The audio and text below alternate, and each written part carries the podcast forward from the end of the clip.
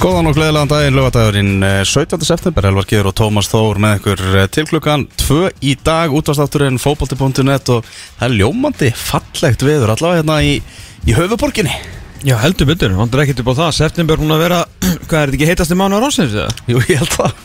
Eða þú veist á eftir, hvað var april eða mæ sem var svona hugulur Já, máttu skilið að fá, fá svona ljúfan septembermánuð Já og það er náttúrulega heilumferð, það er 20. og önnur umferðin í bestu deildinni sem að verður leikin í dag. Það er leikinni klukkan 2, síðast umferðin fyrir tvískiptinguna frægu fyrir ofsalegan oktober, ég reyndar skil ekki alveg því að séu allir leikinnar á sama tíma klukkan 2, það er bara algjör óþarfi, sérstaklega núna þegar búið að fresta þessum leikjum í enska, svona ekkert Liverpool, ekkert United, ekkert Chelsea um helgina. En er þetta ekki bara reglan um að spila síðustu tvær á sama tíma? Já, þú veist, mótið er ekkert að klárast og það er En er þetta ekki ennþá, allir menn hafi bara nokkuð pælt í því að breyta sér reglu? Ég, ég reyndi hvað að hlera þetta í gær og ég heyrði þetta að það hefði bara verið mistök Já, emitt, Já. emitt Það Þannig að væri eru bara- frekar að reyna að fara eftir reglum hann að ef að illa fer að menn eru eitthvað, þú veist ef, ef þeir hefur að spila þetta á fjórum mismunandi tímum og einhver hefði bara farið að kvíla setnum daginn og bla bla bla þá hefði allt farið í raskati, þá hefði menn mögulega verið að fara gegn einhverjum reglum þá, þá hefði verið þetta að sprengja allt í loftu Akkurat, þú veist, í staðin þá erum við að tala um sko Þú veist, við erum að tala um ennski boltina að klárast klukkan þrjú á morgun. Það eru bara flott svigurum til að spila ykkur leiki bara annað kvöld og, og allt það. Ekki, ekki spurning. En, á, en í staðin þá erum við að tala um það að, þú veist, að það er allir leikindi klukkan tvö einhvern veginn í kraðaki og ofan í, skilur þú veist, að líka vera að spila lo, loka umfyrin í lengjudeldinni og annari deldinni Já, af því þetta er ekki, skilur leiknir í að er ekki barátum sæti í dildinni Framkeflaug er vissulega barátta um, um hérna mögulegt, mögulegt sjötta sæti skiluru en svona þetta er ekki alveg 20. og önnur umferðin er ekki alveg 20. og önnur umferðin lengur sko Nei, einmitt Eru hérna komin skemmtarnastjórn sjálfur? Arta Daði að kíkja þetta við þér? Já, uh, fyrrum handbóltaþjálfari fyrsti er ekki fyrsti handbóltaþjálfari sem fór í burnout eftir eitt Ég veit það ekki Þrjú sísón, þrjú sísón, já. En hefur síðan aldrei eiginlega unnið meira. Nú er hann að þjálfa í yngri flokkum. Hann er með podcast, komin í sjónvarp, veit ekki hvað og hvað. Hann er bara fluttur hingað á Suðurlandsbreytum Hann er bara hérna núna. Ég er annað með það. Gaman að sjá það Arnars Herruði, hann var rauðt spjald. Við erum að tala um sko hátægisleikur eina Rúmur hálftími liðina Wools Manchester City. Uh, 33 mínútur á klukkunni Manchester City er 2-0 yfir Skora á, á fyrstu mínúti Jack Reelis ákvað að svara gaggrínisröndum Með því að skora bara eftir nokkra sekundur -hmm. Og síðan, jú, var það auðvitað. Erling Haaland í sínu aðlöguna ferli hérna í Jú, gengur 11 er komin í Já, takk! sæll. Er þetta ekki Nathan Collins sem að, jú, tekur eitt gamla góða karatesparkið? Í magan á Jack Reelis Ég myndi ykkur markið hjá Erling Haaland á móti Dortmund í vikunni Og ég myndi ykkur núna Nathan Collins í, í sömu stöðu að í staðin fyrir að skora þá sparkaði hann í bringuna Ah. á Jack Reelis ah. Raut Rauðt spjald Ég ætla að Ég ætla að fara svo langt með að segja að setja í vinnurunarleik Ná, ég held að það sé nokkuð ljóst Gunnar Ormsleif að lýsa þessu leika á, á Siemens Sport og ég ætla að heyri honum hérna þegar eftirleik, fá smá skýslu fá hans mat á aðlugunaferlinu hjá, hjá Erling Haaland. Mm. Hvernig þetta gengur? hvernig það gengur allt saman hjá honum. Heyrðu en við ætlum að, já, svo setnir klukkutónum allir einni að fara að heyra í fréttarétturum á völlunum í þessum leikjum sem að verða klukkan 2 í bestu dildinni við förum rétt strax yfir það nánar hvaða leikir þetta verða sem verða á dagskarinu þá, hvernig umferðin lítur út. En við ætlum að byrja á íslenska landsliðinu. Það voru tveir landsliðsópa sem voru tilkynntir í gær sem voru gefnir út klukkan Eitt í gær, það er aðlandslið sem er að fara að keppa gegn Venezuela við náttúruleikur sem bara framferði í Östuríki og síðan verður leikur á móti Albani í Tirana sem að mögulega er úslita leikur um það að komast upp í aðdild þjóðatildarinnar. Uh, næsta laugardagskvöld, þar að segja eftir viku, þá er að fara að mætast Ísrael og Albania og við erum að tala um það að ef að uh, ef að sá leikur endar með Sigri Albaníu eða jafntefli þá er þetta að fara að vera úslita leikur. Uh, Jafntefli gera verkum að þetta verður uh, markatölu, við þurfum að vinna það alltaf með tvei, tveggja markamun sko. Ok, það er samt alveg ennþá úrstuleikur Já, já, það er ennþá úrslita leikur og hann að við þurfum að treysta það að Ísrael vinn ekki. Ef að Ísrael vinnur á lögadaginn þá verður þessi leikur á móti Albaníu bara basically æfingarleikur, vinnáttuleikur Náttúrulega ekkert lið sem að fellur úr þessu reyðilegi það er að Rússland fellur sjálfkrafa bara fá ekki að spila leikina sína og falla nýr í sételd Nei, það kom eitthvað upp á þar. Það kom eitthvað smá, smá upp á þar. Þannig að það er hérna þannig að staðan á sama tíma er undir 21 árs landslið okkar að fara að spila núna næsta föstu dag á móti tjekkum á heimavelli Hamingjunar. Fyrri umspilsleikin sinn og svo mætast þau í Tjekklandi á þriðjudeginum uh, þar á eftir. Þannig að sko fyrsta pæling, svona þegar við kíkjum á hópin það eru náttúrulega leikmenn á undir 21 ásaldri í alansliðinu og einhverjir sem hefðu viljað fá kannski, þú veist, þá stráka jafnvel bara frekar í undir 21 áslandsliði heldur en í alansliðið í þetta verkefni. En við ætlum nú að giska á það að þá hljó- Arnóð þú við að svo hlýtur að vera að hugsa þess að stráka þá sem byrjunalismenn fyrst hann er að taka þá í, í alansliðið Já, svona fyrstu, fyrstu 14 allavega. Allavega það. Já, En það er sko möguleiki ég, ek, ég veit ekkert hvort að, hvort að það sé stefnan hjá Arnari og Davís Norra en segjum svo svo að undir 21 ásleikurinn eh, hér heima endi með jafntefli, kannski töpum með einu marki eða eitthvað. Og síðan kemur í ljósa að þetta verður bara vináttuleikur á móti Albaníu sem skiptir einhver máli. Mhm. þá má alveg kalla inn leikmennina úr alansliðinu yfir í U21 Já, það er náttúrulega er í íbú, hann talaði náttúrulega um það að það væri, veist, alveg option, þeir væri að halda hérna, Það er nefnilega option. Ég, ég, ég mitt kannaði sko hvort að uh, það er ofta, í Evrópa gefði félagsliða þá er þetta þannig að fyrir tveggja leiki einbi þá tilkynur einn hóp sem þú notar í báðaleikina já, en þannig er þetta ekki þarna þarna gæti Davís Norri bara tilkynnt algjörlega nýjan hóp fyrir setnileikin sko, leikmennir sem umræðir eru náttúrulega, hérna, fermingastrákotnum tveir á skaganum, Mhm. uh, FCK guttarnir sem eru að standa heldur betur vel, Hákon Árna Haraldsson og Ísak Bergman Jóhannesson, mm -hmm. uh, ykkur fleiri eða? Já, já, svo erum við Valgeir með, Lundal, já, svo erum við með hérna, Mikael Egil já, hann er hérna og svo líka nei, Valgeir Lundal er í ututæðinu með ekki, jú, hann er ekki aðlandslun núna fyrir ekki, Já. hann, hann er í hópnum, já. já, og Andri Lukas hann er, hann er á 21 árs aldri náttúrulega Einmitt.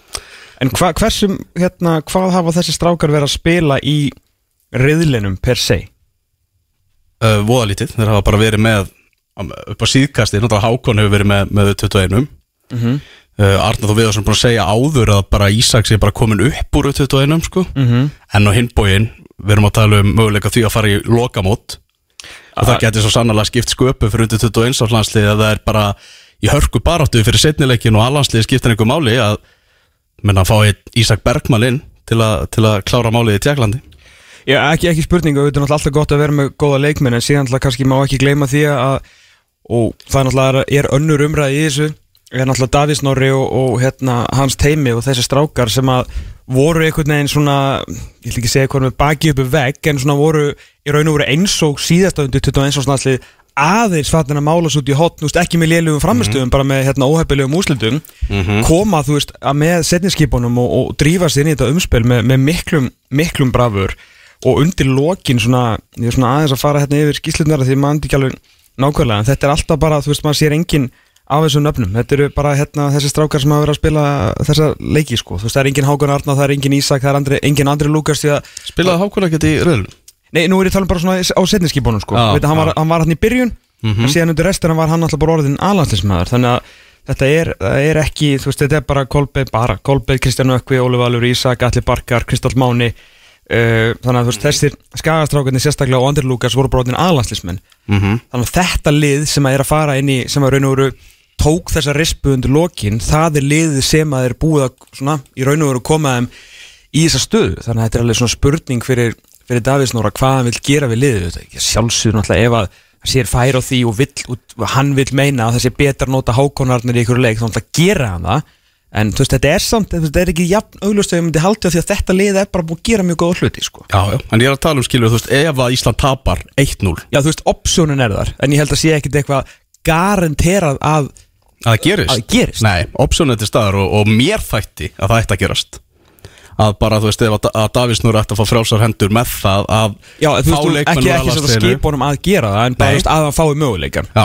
að þú veist, að Arnar taki að hann heimti ekki í raun og veru þessa þrjá drengi aðalega sem við erum að tala um í raun og veru merkingalöðis ég, Nei, sammála því. Þú veist, ég veit ekki hvernig viðræðnar hafa nákvæmlega verið milli Arnars og, og, og Davís en Davís sagði það svona eiginlega bara í viðtali að þú veist, bara Arnar basically bara valdi sinn alhanslið og, og, og svo valdi Davíð þar á eftir bara alhanslið gekk, hann fyrir. Já.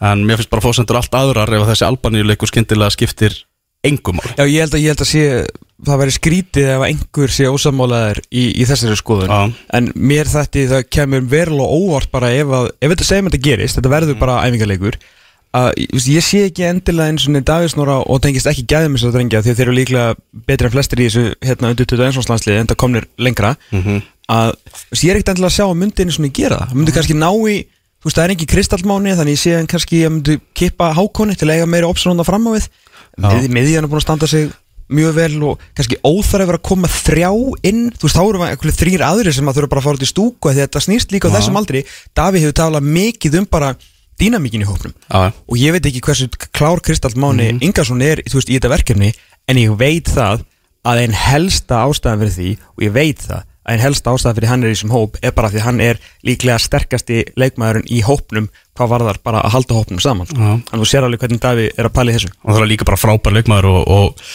ég menna að vera svona eins og það sem meira að vera að hugsa um hann í, í, sem möguleika í setni leikin Já, og líka bara að hafa hann á sveðinu Já, það er alveg hrikalegt að hann sé ekki 100% í þessu verkefni. alveg skelfið hann bara, og meiðast í leiknum sem að var sjálfströðsleikurinn Já, skorar hann á tvö og er bara geggja ráði og náttúrulega lenda hann á stönginni því líka ofni sko. já.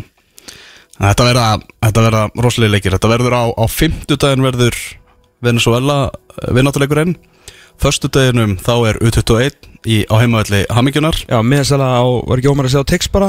Jú, Já, það er bara eitthvað 1100 meður í bóði Þannig að þú veist, við ætlum að, við ætlum að fylla hamingina á, á fyrstaskvöldið já. Með, með svo föstu dag held ég, ég held að þetta sé happy hour leikur, fjögur eða eitthvað. Hátíðisleikur Já, nánast, nánast hátíðisleikur Ok.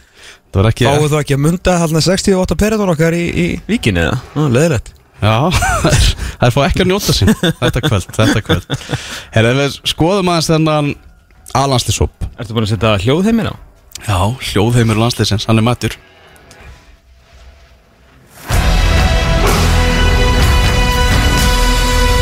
Mástu þegar þetta var allt sem að gert að því að vorum svo góðir?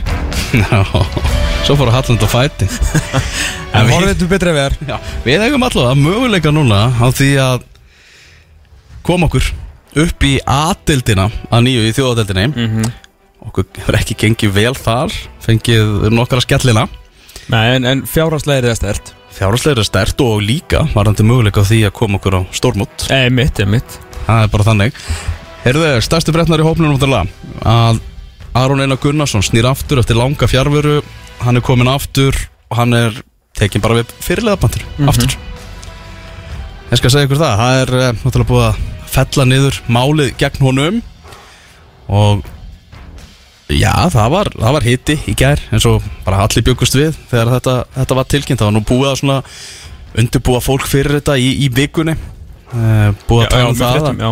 að Aron Einar yrði líklega í hópnum. Mhm. svo kemur hann inn í hópin uh, öfgar láta, láta í sér heyra uh, senda, sér, senda frá sér yfirlýsingu gær sem, að, sem að kemur ekki óvart og, og nú þarf maður alltaf að passa sig að, að vera ekki að vaða inn á, inn á jarðsprengju svæði Mm. en þeir henda hann Arnar Þór Viðarsinni heldur betur undir rútuna einhvern veginn í, í þessum, þessum pisli sínum og sko það má svo sannarlega gaggrina Arnar Þór Viðarsson fyrir ímislegt og vera ósamálunum í ímsu en er ekki helviti mikið að vera að leggja þá einhvern veginn ábyrð á hann að hann er að velja já, að taka fram yfir réttarkerfið á, á Íslandi og vera einhvern veginn sin eigin dómstóll Þetta er svo ótrúlega erut mál því þetta er náttúrulega snýst í grunninn eins og hérna uh, segir í þessari yfirlýsingu öfga uh, sem eru margt uh, hérna um, sem eru margt mjög góð að hérna snýst bara um það hvort að er KSI og þá sko og eða Arnóð Þó Viðarsson trúið þólendum því að uh, hérna svona að niðurfelling máls er ekki það sama og vera saklaus og þeir voru náttúrulega ekki, hérna, ekki dæmdir saglausir sem að þetta hefur verið sérst ekki, þá ekki gerst eða eitthvað. Og það er náttúrulega það sem að það er e, það sem auðgar eru að, er, er að meina. Arnóð Þó Viðarsson fer eftir e, þessari hérna, hvað heitir þetta? E, var að fletta þessu hérna upp áðan. Já fer eftir þessum reglum, er raun og verið ekki ég held að vera nefnilega reglur. Já. en þá er þetta meira tilmæli Þetta eru viðmið, Viðmið, Eh, ah. Samþygt stjórnar viðbrasáallun KSI sem var sérst þarna sett inn og ástæðan fyrir því að Aron Einar og Eggert sem var alltaf kannski komin ekki til grein í landsliðin en þeir gáttu ekki Aron var ekki valin í landsliði vegna þess að hérna, hans lág uh, var í sérst meðferð uh, hjá rannsóknar ákjörvaldi að þetta eru sko hérna að því að mér langar að fara svona aðeins svona lengra með þetta eða kannski svona að því með, með Arnar sko hann hérna var helviti mikið tekin hérna tekin hérna fyrir. En, KSI svona þú veist það er, það er svona minnst á KSI vissulega. Þú veist KSI segir standa, standa með þólundum sína að þá er verk, verki. Hér er tilvæli tækifæri fyrir KSI að móta reglur varandi endurkomu og endur hæfingu uh, svo setna er mitt að tala svona maður séu að þetta munu veki efasendir þess efnis að KSI standi með þólundum þar en þá langt í land að jafna kynni hallan innan KSI og þessi ákvörðin hjálpar ekki að kvennkins yðgjendur upplifu örygginan félagsins þegar staðrendinu svo að flestir þólundur eru konur. Uh, Formaður KSI er kona, varaformaður er kona og frangöndastjóri er kona og uh, það eru sérst fara í, sérst, eru yfir því. Og segir hérna uh, í samþýtt stjórnar viðbrásáðallin KSI frá 2015. mæ, formaður KSI Vanda Sigurgistóttir kynnti til um viðbrásáðallin KSI Málu var rætt, uh, var rætt en fyrir einhver umræð var frestað uh, á framhaldsundunum var neðagreint samþýtt. Hljómar svo að stjórn KSI samþýtti að haft sér leiðiljósi það, og hlustiði nú, megin viðmið þegar mála einstaklinga eru til meðferðar hjá rannsóknar ákjöruvaldi og eða samskiptar ágjafa vegna myndra alvarleira brota að þá skulle viðkomandi stíga til hliðir í hlutverki sinni hjá KSI og meina meðferð málsins stendur yfir. Gildir þetta um alla, alla dómarar, þjálfara, leikmenn, fórustumenn, starfsmenn og aðra á þá sem eru innan KSI. Sko ég skil þetta þannig mm. að KSI hafi þá ekki raun og veru stíð það fastiljarðar, allan ekki jafn fastiljarðar og svona hói, hérna, þeir sem var að sækjast eftir þessu eins, eins og öfgar og fleiri sem hafa verið að, að beina spjótu sínum að KSI eftir að stormurinn uh, eftir að stormur fór á stað og raun og veru svona í eftirmála stormsins að ef að það kemur eitt mann upp svo staða að uh, einhver leikmaður kallaði kona uh, öllum líkindum kall með við bara tólfræðina sé leikur undir grunn fyrir eitthvað meintbrót en það sé alveg svona ógæðslega mikilvæg leikur framöndan að það má velja leikmannin þetta er bara, þetta er alveg svo ég líti á, á hérna um, eða þess að á hérna á hraðatakmarkanir, þú veist, ég líti á það sem viðmið Já, en ég veit samt að það eru reglur en þetta eru bara megin viðmið. Já þannig að það, þú veist, Ef þetta ef þetta er geggja góðu leikmaður og rosa mikilvæg leikur framöndan Nei, ég meina, ég, Þá má kannski horfa ég get ekki Já. skilja þetta, þetta megin viðmið er ekki regla, en þú veist, vissulega myndi ég ekki telja að Arnur þó við að svona hver sem verður landslýstjálfur á þeim tíma sko þegar og vonandi ekki að þetta komi ekkert mann upp aftur. Þannig að þú veist, KSI í heldina steg mjög löst til jarðar hvað var að þetta, þegar ég fór bara að lesa þetta í raun og veru bara í gerkvöldi og, og aftur í morgun þegar ég var að pæla í þessu. Eh, aftur á móti, breyti því ekki að Arnar getur náttúrulega sem bara einstaklingur, veist, sjálfur tekið afstöðu, en þegar knaspunni sambandið og hans yfirmenn hafa ekki tekið fastari afstöðu til þess, að þá er þetta skiljanleira. Ég er ekki að segja rétt, ég er ekki að segja ránt, ég er að segja skiljanleira. Já, en það er rosa erfitt þegar þú ert fótbolta þjálfari og Já. átt að velja lið út frá fótboltalögum fósendum og það er engin rannsókn í gangi núna með Aron Einar búið að fella það allt niður Mhm. að hann er einhvern veginn að það er svo sannlega Aron Einar heima þarna í fórsendum, fótboltalögum fósendum allan tíman Já. búin að vera frábær núna með alla rabbi í líki hlutverki og öllum plakkutum hjá þeim og allt. Mhm. og bara leiðtói í, í, í, hjá gullkynsluðinni Mhm. en það er helviti mikla kröfur að setja Arnar þú við svo líka hann er að vera eitthvað sinn eigin domstól sko. Ég, já, það fara, er kannski, fara fram úr réttakerfinu sko já, það er kannski nefnilega að vera eitthvað domstól, sko, þú veist, hann það bara í raun og veru sangvænt, hérna, uh, bara, bara, þú veist, eins og samkvæmt þessari, hérna, yfirlýsingu, bara að, að trúa þólundum. Já, þú veist það, það er raun og það sem er verið að kalla eftir en Já. það er einhvern veginn það sem að kemur fram í þessari yfirlýsingu er að KSI virðist ekki gera það og er náttúrulega öfgar hafa náttúrulega verið hérna brósátt í raun og veru við svar KSI frá upphafi því að náttúrulega að rannsóknarskíslan sem var hérna gerð að meira þess að hún fekk í raun og veru fallengun hjá þeim skilur þannig að Mhm. það er búið að vera ljóst í svolítið langan tíma allavega hvað varðar svona uh, baráttu þessar að tveggja uh, hérna stopnana, hópa, þú veist á KSI og, og, og öfga að hérna, þetta er að þeim hefur náttúrulega frá í raun og veru frá degi eitt ekki fundist KSI taka nú, Mhm. nógu fast á málunum og þess vegna segja þær líka í þessari yfirlýsingu að þetta, að þetta landslýsval komið þeim ekki óvart sko. mm en, en af hverju er þú veist Jú, vissulega hendi Gunni Bergson öllum bíleiklónum í Arnar Þó Viðarsson þegar hann var ráðinn og allt það en ég meina það er einstaklingar sem eru yfirmenn hans innan sambandsins sko Mhm. Já, algjörlega, algjörlega, sem að einmitt settu þessi megin viðmið einmitt. Já, en Aron Einar allavega mættur aftur Já. og þú veist, það er hitt í samfélaginu og allt þannig, heldur það hafi hjálpað, þú veist, Arun Einari að taka þessa ákvörðun, að bara, þú veist, gefa kost á sér, koma aftur að þetta eru leikir sem að framfara í Austuríki og Albaníu, að það sé ekki leikur hér, Engum máli engum máli Ég, ég held að, ég veit ekki það, ég bara, ég held að af því að, eh, þú veist, það kemur niðurfellinga á þessu máli og Já. ég held að hann hafi sjálfur með 97 landslíki á bakinu, við tölum bara um fótballtalega fórsendur verið mjög, hérna, hann hefur, hann hefur haldið fram saglýsinu frá upphæðu og náttúrulega gefið það út ofinberlega mm.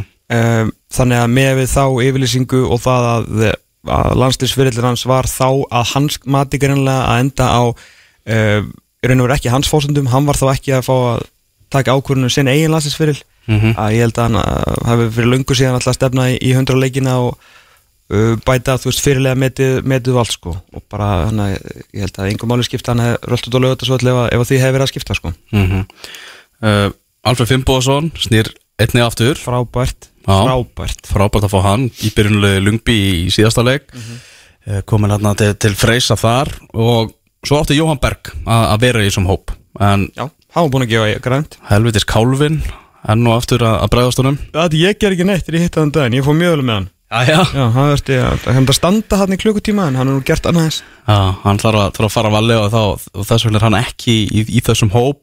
Uh, Sverrir Ingi hann átti líka að vera í þessum hóp. Mm -hmm. hann við svona uh, tilgetið það en að- að fjölskyld ástæðum þá, þá gefur hann ekki kost á sér. Nei, og Arnur Ingvi, hann er að að flytja búferlum frá, frá bandaríkjunum til, til Svíþjóðar. Er að- hann í ykkurum sagði Arnar að hann var í myndinni eða? Já, hann sagði að hann hefði ekki gefið kost á sér. Já, ok, þeir eru held ég, ég hef eitthvað hert að því að það sé nú eitthvað styrtar á milli sko. Já, Ég held að veit, veit nú ekki hvort að Arnór, Arnór Ingvi spili fleiri leiki undir stjórn Arnars hmm. Guðlaugur Viktor, hann er komin hann einnig en það er engin afsökun lengur, nú er hann til allra lifandis lukku nálat stráknum sínum. þannig að hérna, það var ekki hægt að nýta nú getur hann hitt hann oftar sem er náttúrulega frábært fyrir hann og spila fyrir, spila fyrir Rúni og frábært fyrir landsliðið að fá, fá þennan tröllmann aftur. Mm Áður hann tekið á við spurningum að fréttamannafundunum í gera byrjaði Arnar að tala um að þarna væri kannski meira komin svona í, í blönduna sem hann vildi sjá í liðinu. Ekki bara nánast kjúklingar þarna eru líka yngri, neða, eldri leikmenn svona í bland. Mm -hmm. þannig að svona já, þetta er, þetta er talsveit breyting, það er rosalega hækkun og meðalaldri á, á skömmum tíma í þessu Ég eftir með tölunar eða? Nei, það þarf að taka það eila saman Tjekka á síðasta leik versus svona mögulegt byrjanlega næst sko. en, en það er bara besta mál. Mm. uh, Albert Guðmundsson hann er ekki valinn í, í þennan hóp og það var náttúrulega önnur saga sem, með látum. Já, hvað var önnur saga sem byrjaði að koma út á fimmtudaginn að hann var ekki í þessum hóp. Já, og svo var maður bara að sp- að spá og spekula hvernig Arnar þú við að svo myndi afgriða þetta á fréttamann á fundinum? Og ekki valin að þessu sinni? Já, nákvæmlega. Það var ekki. Nei, hann var bara algjörlega ómyrkur í máli sagðist vera, já, bara drullu fúll út í attitútið og hugafarið í, hjá Alberti Guðmundssoni í síðasta glugga. Já, gekk lengri það og sagði bara uh, og meðan hann var ekki tilbúin til þess að fara eftir hvað var hans reglum, hvernig orðaði hann þetta? Var alveg rosalegt. Já, Já, að, þú veist, já, sagði að hann tók að fram að hann var ekki að loka neinum hörðum, hann var allt opið fyrir framtíðina ef að ég- myndir heimlega bara skrú, skrúfa, sko, með- skrúfa hausinn rétt á sko. Hvað er hérna og já, er hérna, þetta var, fyrir það sem var ekki búin að tekka þetta Ég var mjög svektur út í huga fyrir Albert síðasta glugga, það er mikill heiður að vera valin í landslið og menn þurfa að vera 100% með eða ekki. Leikmenn Íslands hafa alltaf sett framistu, liðsins framöður eigin framistu og að og það sé líkillin árangri. Þetta er ákvörðin sem ég tek fyrir þennan gluggana, ég er ekki á lókuninni í framtíðinni. Þegar Albert er tilbúin að vinna innan þess ramma sem að ég set, þá er pláss fyrir hæfileikaríka menn eins og hann. Þú, hvað gerir Albert?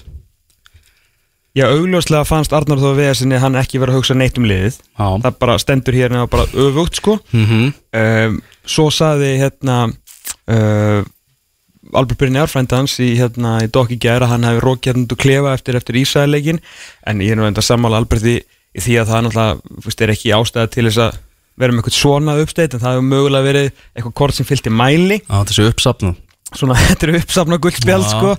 En eh, ég meina þetta er eitthvað rosalasta ræða sem ég hef heyrt um eitt leikmann á, á, hérna, á blagamannafundi og veist, þetta er, þetta er svakar, ég, ég held ég hef aldrei heyrt svona allan ekki á mínum blagamannafundi eitt leikmann sem tekið svona fyrir að því að þú veist, ef, oft hefur maður heyrt kannski af okkur svona, svo er hann ekki valinn og það er bara, hann er ekki valinn að þessu sinni, mm -hmm. loka einhvern dyrum.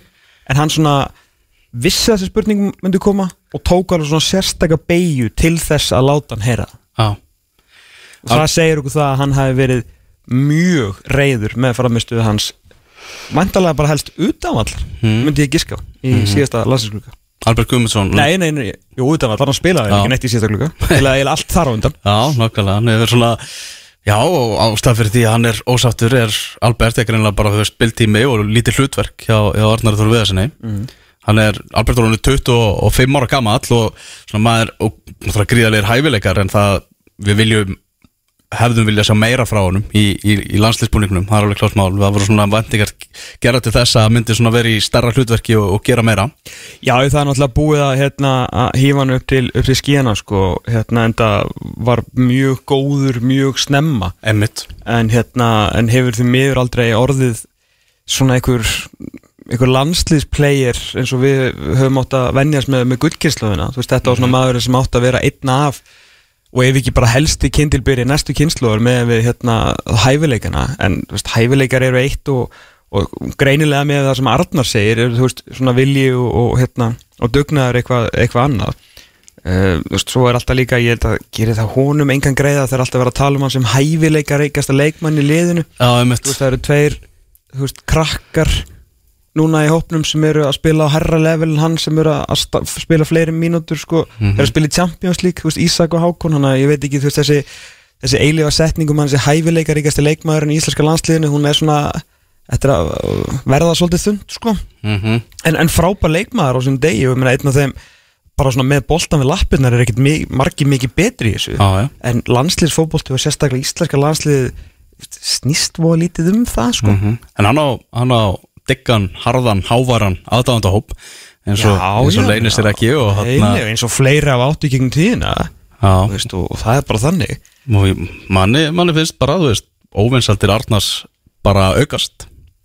Já, þetta er ekki til, til að hjálpa honum en. Arnar náttúrulega bara er sinna eigin, eigin, herra og, hérna, og munum alltaf að fá að heyra að það gengur eitthvað ítli í sóknarleiknum og það er engin, er engin Albert en við sjáum það að hann er búin að fara þú veist, þú komst ekki að hjá, hjá, hjá PSVaf sem er alltaf mjög erfitt þú veist, endar hérna hjá að setja það inn og út úr liðinu þar áttur þetta er mjög góðan sprett á hann síðan síðan fer kjærst þetta í seríu A og nú er hann að spila í seríu B sem nú kannski ekkit veist, eitthvað svona Hún er ekki hátt rönguð ekki svona hátt rönguð en, en hann er að spila vel þar Já, og einmitt. við erum svo sem ekkert með við erum í B-dild í, í, í top 5 dildum það er þú veist, bara flott skilur Já, en, en, það, en það skiptir ekki máli það er að tala endalust um við getum reyfist um hérna og sett upp eitthvað powerranking hver er hæfileikaríkasti leikmann í liðinu? Er það, þú veist, uh, náttúrulega hæfileikaríkasti leikmann í hópnum akkurat núna en náttúrulega Alfred Fimboðsson þú veist, það er ekkert að við þurfum ekkert að rífast eitthvað lengi um það. Mm. lang besti fótboltamæðurinn í íslenska landslýshópnum sem var valinn í gær.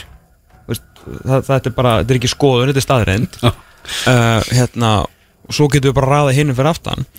En það er ekkert það sem Arnar er að tala um. Nei, það er bara alls ekki og hann endar með þess að segja að þessi gluggi fyrir hæfileika leika, leikmenn eins og hann sko. en ég hérna það kemur mér á óvart ef að hérna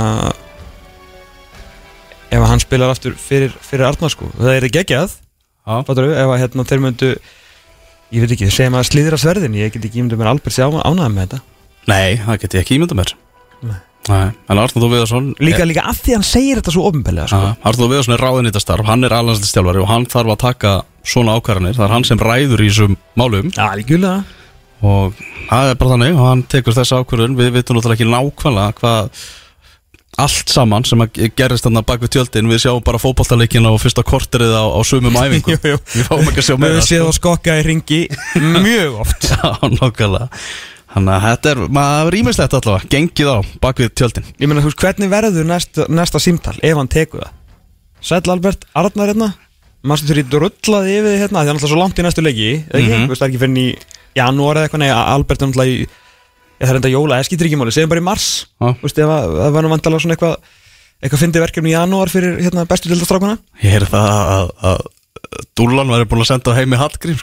Ég væri Jamaica Ísland í januar Geggjað, geggjað. Það ekki Uh, Hvað varstu eitthvað, eitthvað, eitthvað, að resa það? Já, hérna Já, hann er svona einhvern tímann í byrjun mass vonandi bara Albert bara standa sig vel í að koma hérna Bologna aftur upp í B-telt og bara, hei, blæsaður hérna. Mm. hérna, ressa það Já, Ekki kannski sorry með þetta síðast En hérna, hvernig það, ertu tilbúin að vinna innan þess ramma sem að ég hef sett? Eitt er alltaf ljóst að Albert Guðmundsson verður ekki með þessum tveimur landsleikir núna Nei. sem að, sem að framöndan eru við við erum að aðalega að horfa á þennan Albaníuleik og Artur Viðarsson sagði bara á fundinum í gæra sem Venezuela leikur er til að uppfylla þetta fræga skilir eða samning við UEFA um að spila x-marka leiki sem að verði sjómasútsendingu sko. uh, en segjum svo að þetta verði úslita leikur á móti Albaníu í Tirana, hvorki meirinni minna. Þessi leikmannahópur sem að tilkynntu var í gær hvernig erum við að fara að sjá þú veist, okkar sterkasta lið úr þessum hópi mæta til leiks á móti Albaníu, hvernig verður lið? Hvernig, Þú sagði mér að ég mætti stilla upp sjálfur, ekki? Já. hvernig verður? Þú ert bara landslistilur Ég er landslýstur Já, þú ert bara Tómas Þór stýrir þessum leik á móti Albaníu, úslita leikur og þú færð það er satt ekki að velja hópin Arna þú við sem valdi hópin fyrir þig Já, já, já, ok, ok. Hvað var ég svona að gera áður, þú veist, frá, þú veist, af hverju var ég valin landslýstur Af hverju? Já. Bara vegna þess að öfgar komu og bara hendu Arnar í burtu. Nei, þú veist, ég hlýta að þurft, var ég, þú veist, búin að, þú veist, var ég að þjálfa í, í Noregi eða bara hérna heima eða? Þú varst þarna í Svíþjóð. Já, næs, næs. Kalmar. Kalmar í Svíþjóð. Herru, hérna, fjóri, tveir er einn Nei, fjóri er einn, fjóri er einn náttúrulega sálsög Ok. Ég náttúrulega má ekki ráða uppstillingun heldur Ég þarf að halda áfram Eða ekki, bara með single pivot? Jó, eða ekki. Já, Já, ég reyndar að fatta það núna Ég stilt upp í fjóra og tvo þegar ég heima, sko. Nei, ég má það. Eða ekki, þú, ég er þjálfari. Þú ert bara þjálfari? Já, ok. Nú, þú ræður. Herru, Elias Rafn Ólafsson í markinu. Mhm. uh, Ég treysta að hann sé, sé heill og klári slæðin Já, hann sagði frá því Arnar að uh, hann hefði tekið 100% átt í, í æfingu í gær hjá Midtjöland Náttúrulega helvitis brasa að hann sé búin að missa sætið sitt þarna Vonandi vinnur hann það tilbaka sem, sem fyrst. Já, hann er allan er okkar besti markmaður og, og framtíðin okkar hann stendur í markinu þarna. Já, Sko uh, Vantar svolítið Ok Alfons Anstöður bakveri. Veist, Hann bara, ég veit hann hefur verið alveg herfilegu með landsliðinu En við verðum að halda áfram. Hann er hugljóslega allt of góður til þess að gefa hann ekki sens já það segir sér sjálft með hvernig hann að spila fyrir bótu þú- Alfons Anstöður hæri megin Þóri Hákunarsson var í hérna, eftirliti hjá Bóta Glimtu daginn Talaði við formalinn hjá Já, Og hann bara held ekki vatn yfir, yfir Alfonsi sko. eðlilega. Og svo sagði hann líka svo hjálpa til. Hann er aldrei mittur sko. Alltaf klár. Alltaf klár, Alltaf klár. Hann, hann er hann. Herru, miðverðir Sko uh, Það er annars að Hörður Björgun Magnússon er, er vinstir miðverðurinn Já, Og ég ætla að setja Guðlu Viktor Pálsson í hæri miðverðin Já. Já, Hörður Björgun og Guðlu Viktor er hafsenda parið já. Vá. Uh, Svo Af því að þetta er svona stórleikur Já, Ef við varum að, ef við varum að stilla fyrir Venezuela sko, eða þetta væri bara Ef þetta verður vináttuleikur þá verður Davíð Kristján vinstramegin En að þetta er stórleikur og hann hefur aðeins meiri aðeins meiri reynslu þarna og svona kannski aðeins meiri bóur og ég hef bara ekki séð nótið Davíðs Kristjáns að þá ætla að setja Daniel Leo Gretarsson vinstramegin ok. Svona varnar sinnaðan vinstri bakverð mm Ég er ekki ánægð með þetta val hjá mér en þann- þannig verður þetta bara að vera því að, þú veist, hvað er allir varnamennir okkar? Já, Þetta er ekki hægt, sko. Þeir þurfa að fara að verða til.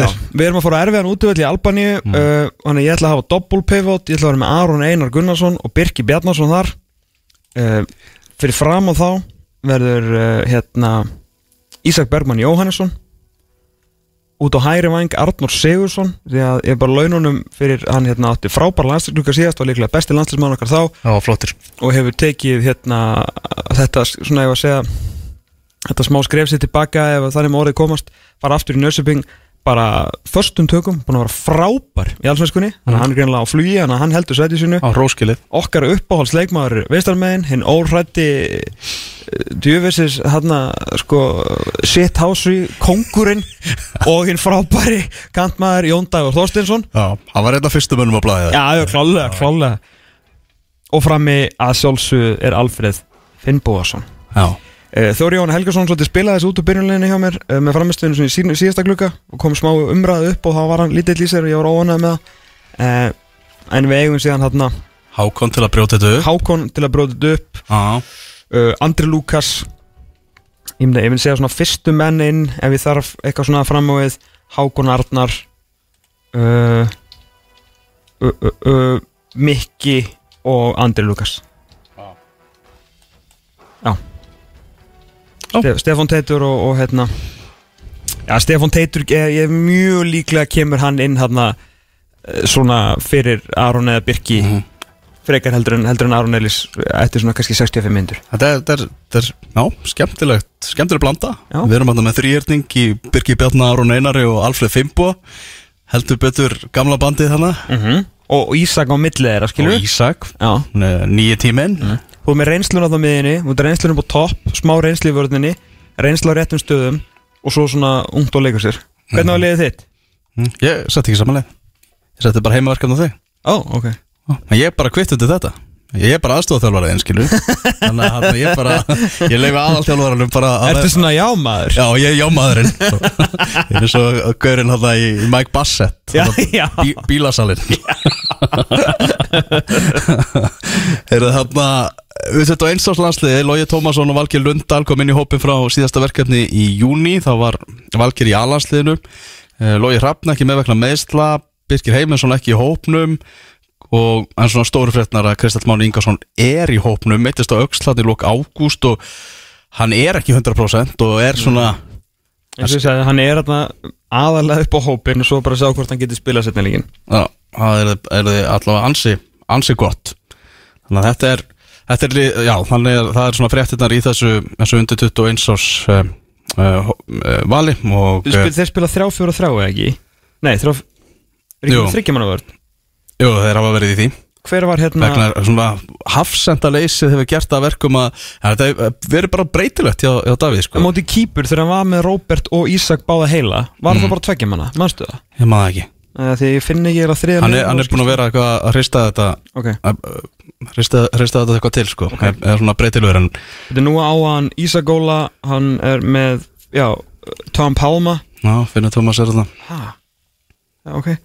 Uh, Robert Orri Já, það er ennþá miðvarhallari Já, það er nefnilega þannig. Það er ekkit Það breytist ekkit. Það eru fáir En verður ekki. Lundallinn bara vinstri miðurur og logi Ég meina þú veist Ef við myndum sitja saman Sem er kannski bara verkefni fyrir læsta þátti eða eitthvað Ef við myndum sitja saman bara 11 bestu leikmenn Íslands já. Á undir 21 árs aldri Þá myndi Þú myndir aldrei geta búið til fótballtalið úr því sko. Nú, Ég held að ójafvæðið er bara svo svakalegt sko. Þá er ég að tala um bara að þú tekur bara 11 bestu. Mellubæk, já, já, það er enginn þá í vorut neila Já, Nei, einmitt, einmitt. Það er nánast þannig sko. Þannig að þarna Og kannski fleiri Ís- markverður líka Þú með, hérna, já, nákvæmlega, já, Hákon og Já, Patrik er ekki svona í markinu hana maður Byrju, Mhm. Þetta er uh, Þetta er þarna Hver er að tala undir mig? Já, þetta er þarna eitthvað Ég var að spila viðtalið hérna við Davíð Er ok, Hákon, Hákon er þetta í markinu mm. Síðan eru Ísak Óli, Valgi Lundal og uh, hérna Róbert Orri meðverir, Logi meistarmeðin, Óli Valur hægrameðin Kolbjörn Þórðar og uh, er hann ekki alltaf í þessu liði? Jú, Kolbjörn. Þórðar og hérna og Kristján Nökkvi mm -hmm. er hann ekki hérna líka? Jú, Kristján Nökkvi Kristján Aukvi er alltaf þarna sko. uh, Hann er bara líkill á því að við komum okkur áfram Hverja á Ísak Snær vantilega meistarmeðin Já, nú vantar helvitis Kristján Málamaður Það vantar hann sko Anskoti Já uh, Hver er upp á topp? Það Sævaralli, já, Sævaralli Og, já Þetta er smá, Dagur Dan getur verið á kantinum og svo er ég með, hérna Nei, Davíð er nú ekki að fara að henda ára steini hérna í starti núna. Nei, það er ekki sko. Það er Svona, ekki. Hann er bara svona kostur á, kostur á bekknum sko. Nei, eru allir barkar hérna líka Það eru djúfisins, manna úrval er í þessu liði. Já, þetta eru leikmenn sem geta heldur betur, betur náð langt sko. Já, svo náttúrulega Brynjólu Viljámsson fyrir lið, liðsins. Hann er byrjað að skora Viktor Öllur maður og þetta er Úf, það verður gaman að fara á Er, er þetta mótsamt ekki eitthvað staðar bara uh, í raskati eða? Já. Uh, Jú, mótið er eitthvað staðar í, í hérna Mótið er í Östur-Evrópu sko. Davíð var í fjóruð því þrýr í síðasta klukka Síðasta landsliðs klukka Já, það meikaði sens með Já. verskíslunum Já, Já. síndist það. Þannig að það er Það er þannig, þetta eru, þetta eru safaríki leikir sem eru framundan og við erum að fara ekki bara að fylgjast með A-landsliðin okkar og, og, og undir 21 árs landsliðinu, þetta eru við líka að fara að fylgjast með landsliðið Jamaica sem Já, verður- já. sem verður núna svona já, okkar okkar, okkar B-landslið það verður, það verður Jamaica þar sem að Heimir Hallgrímsson er mættur og uh, maður kynntur á fréttamannafundi gæra á Pegasus hótelinu í Jamaica Ok og gerir fjögur ára samning þetta snýst allt um HM 2026 þar ætlar Jamaica að vera. Já, sem er náttúrulega haldið í The Americas. Já, það er haldið í bandaríkjunum Kanada, ætla ég að vera? Kanada og Mexiko og það er að tala um það náttúrulega að komast þar sjálfkrafa sem gera verkum að leiðin er greiðari fyrir landslið Jamaica að komast á þetta mót í gegnum undakjöfna því að þar verða ekki náttúrulega þessi lið sko. Uh, nei, því að sko, ég get einmitt sagt ykkur það. Núna, þetta var þannig hjá strákunum í, í Jamaiku að Kongakaf undankefnin virkar þannig að hún byrjar sem sagt uh, hérna byrjar, eh, þetta er sem sagt þrjár umferðir. Þetta er svona aðeins að koma hérna rusl þjóðunum frá. En það er þannig sem sagt það eru fimm efstu liðin á heimslistanum frá Kongakaf uh, eru hérna fara bara beint inn í þriðjumferðina mm -hmm. sem þýðir að hérna, Jamaica er alltaf þar þar sem þeir eru svona í kringum 50 eitthvað svo leiðis Honduras er 15 liðið inn í, inn í sem, að, hérna, sem sleppur inn með þeim og svo er El Salvador 69 eh, Kanada er reyndar sko 73 þannig að þeir eru nú reyndar á, á upplið sko.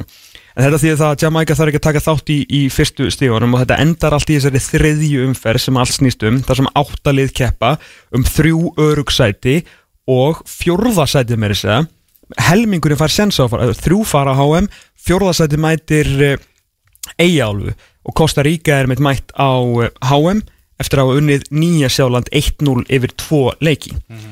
En efstu þrjú liðin í CONCACAF þriðjumfyrinni voru Kanada sem er komið á HM 2026 Mexico sem er komið á HM 2026 og Estad Uni The Americans þeir eru líka komnir. Já. sem þýðir að koma í Jamaica sem áttu sko umurlega undakefni Já. tveir sigrar, fimm jættibli sjö töp, 12 mörg skoruð í 14 leikjum, ekki eitt marki leik 11 stig, þeir eru 11 stigum á eftir Panumu en þetta hefði samt sem áður ef við þurrkum út hinn þrjúliðin sendt á, á Já, Þannig að e- ef að Heimir Hallgrímsson verður ekki á HM í The Americas þá, uh, þú veist, hann þarf það þarf í raun og veru bara mikið til sko. já, Þannig að já, þetta er flott já þetta er Mætir flott. aftur á Já. og líka geggja lið fyrir okkur að halda mig við, náttúrulega- við elskum náttúrulega underdog sko. og svo verður þetta náttúrulega eitt svalasta land í heiminum sko. Við verðum að mæta þeim í januar í, í vináttuleik sko. það er bara möst Það er möst Þannig að, já, maður getur í, í gæra á fréttamannafundi Það var, ég, ég, Var fundurinn í bytningstæra? Nei, ég held ekki En það var svona að vera að tísta frá honum og allt það. Og náttúrulega stóru fréttinar eru það er að það var náttúrulega mikið fjallað um það að Það er búið að vera vesen hjá Jamaica og umdeldir, hérna, umdeldur formaðurinn og fólki sem er að stýra þessu búið að vera svolítið óskipulag í kringum landslið Jamaica. Uh, búin að vera ósáttir við svona greiðslur leikmennir við ferðaskipulag og, og allt hannig búið að vera svolítið einhvern veginn í óreiðu Er nú óvænt á svona knöspunni sambandi í Mið-Ameríku. Alls ekki þekkt hana Gummi spjallaði við þarna Gumma.net spjallaði við íþróttafréttamannana sem að sagði það að reyndar væri svo gott Jamaica menn þannig að þegar það kemur ykkur útlendingar þá væru þeir oft svona meira á tánum og gerðu meira fyrir þá sko. Já, það kemur ekki vort það er búið að vera einhver heimamaður sem er búin að vera stýra sér núna upp á síðkastið. En já, mikið talað um það, hann þyrfti að læja öldur og svo var náttúrulega fyrirliði liðsins hann lendi hann í einhvern deilum var að skjóta á fótboltasambandið og var ekki valinn í hópin upphaflega. Nei, sem er markmaðurinn Andre Blake. Já, en svo kemur bara tilkýring á fréttamannafundinum í gær þegar heimir mætir í pontu. Hefur ég búin að tala við Andri Blake. Hefur það bara búið að leysa þetta mál. Hann er komin í liðið. Hann, allt rétt. hann verður í hópnum. Hann er bara byrjaður að, að læja öldurnar sko. Líka, að að þú veist, ef að sambandin enn að standa með þér og þeir passa upp á greiðslur og allt þetta mætir inn, ringir í Andre Blake bara, hey, Andre, byrju, ef aðeins að hlusta hvernig ennsku talar, er hann búin að breyta heimnum eitthvað? Já, þetta úr fréttamannafundinu Já, ah. það er svona komið meiri íslingur í hann og við heldur fyndin reym á háum að hérna já, ég segi að þú veist að hérna því hann með þetta fínasta liðskiluru Og Andri er hörku markmaður hörgum að Philadelphia Union 31 Já. og skammalt bara reynslu bolti sko svo að hérna hefur hann úr að velja alls konar flottum gæðum eins og Ethan Pinnock og, og Liam Moore sem er í, í bjöldildinni með, með redding og auðvitað náttúrulega þessi svakalega sóknarlína. Þannig ef hann vil fara að spila svolítið íslenskan bolt eða skilur auðvitað eins og Ísland Já. aðeins að verja markið sitt og sækja rætt og eitthvað þá er Þetta sé Pálsdóttir, heyrði í, í heimi ætlum að spila aðeins smá brot úr, úr viðtali sem hún tók við, við hann fyrir, fyrir rúf Dalsmenn með þér, það var nú einhverstað sá ég að Guðmundur Hreðarsson og Helgi Kolviðsson væri þarna með þér og svo heyrði ég að það verði alls ekki rétt. Hver er, hvernig er hópurinn? Ég tek með mér tvo þjálfara, An annar eh, er, er sví, heitir John Wall, eða Wall, eh, og svo eh, kemur Guðmundur Hreðarsson með mér líka. Það er, hann elskar sól.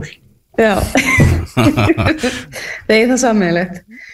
En ætlaru, ætlaru að flytja þókaðu, hvernig ætlaru að hafa þetta?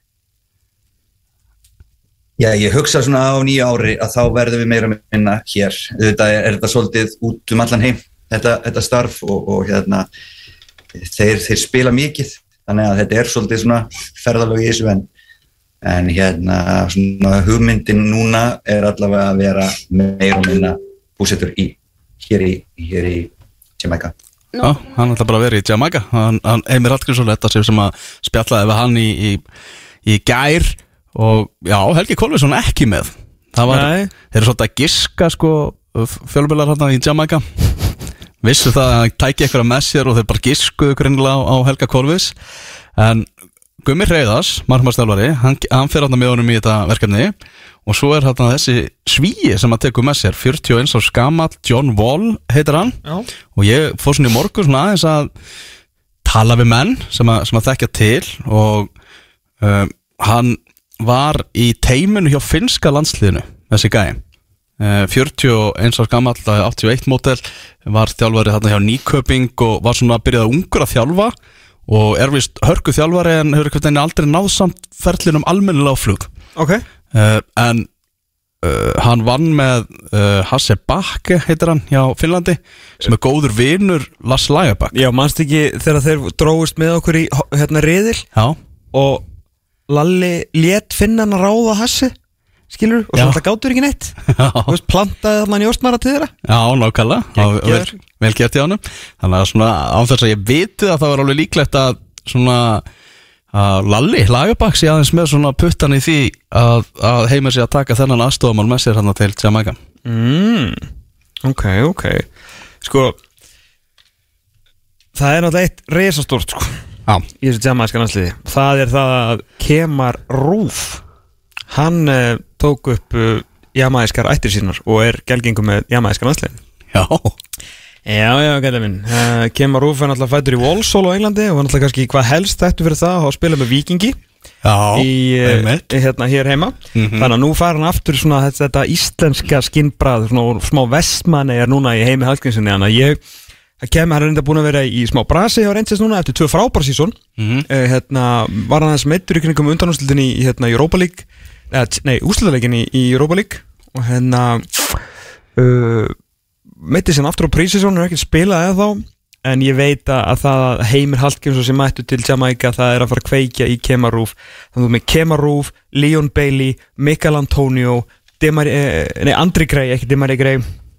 Þú veist, hvað hvernig á þessi gæði ekki að fara að háa Sko, og Heimir sagði það bara sjálfur á fréttamannafundi hann sagði bara guð minn góður þegar ég fór að skoða gæðin sem að þetta liði með sóknarlega. Emitt sagði það bara, vá, þvílíkt þvílíkt, þvílíkt menn sóknarlega.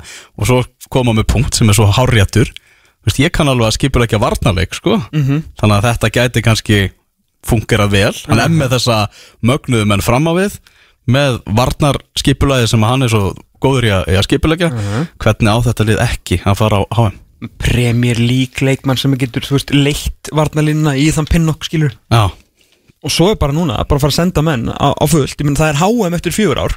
Nei, hérna, jú, HM eftir fjögur ár aftur. Já, já.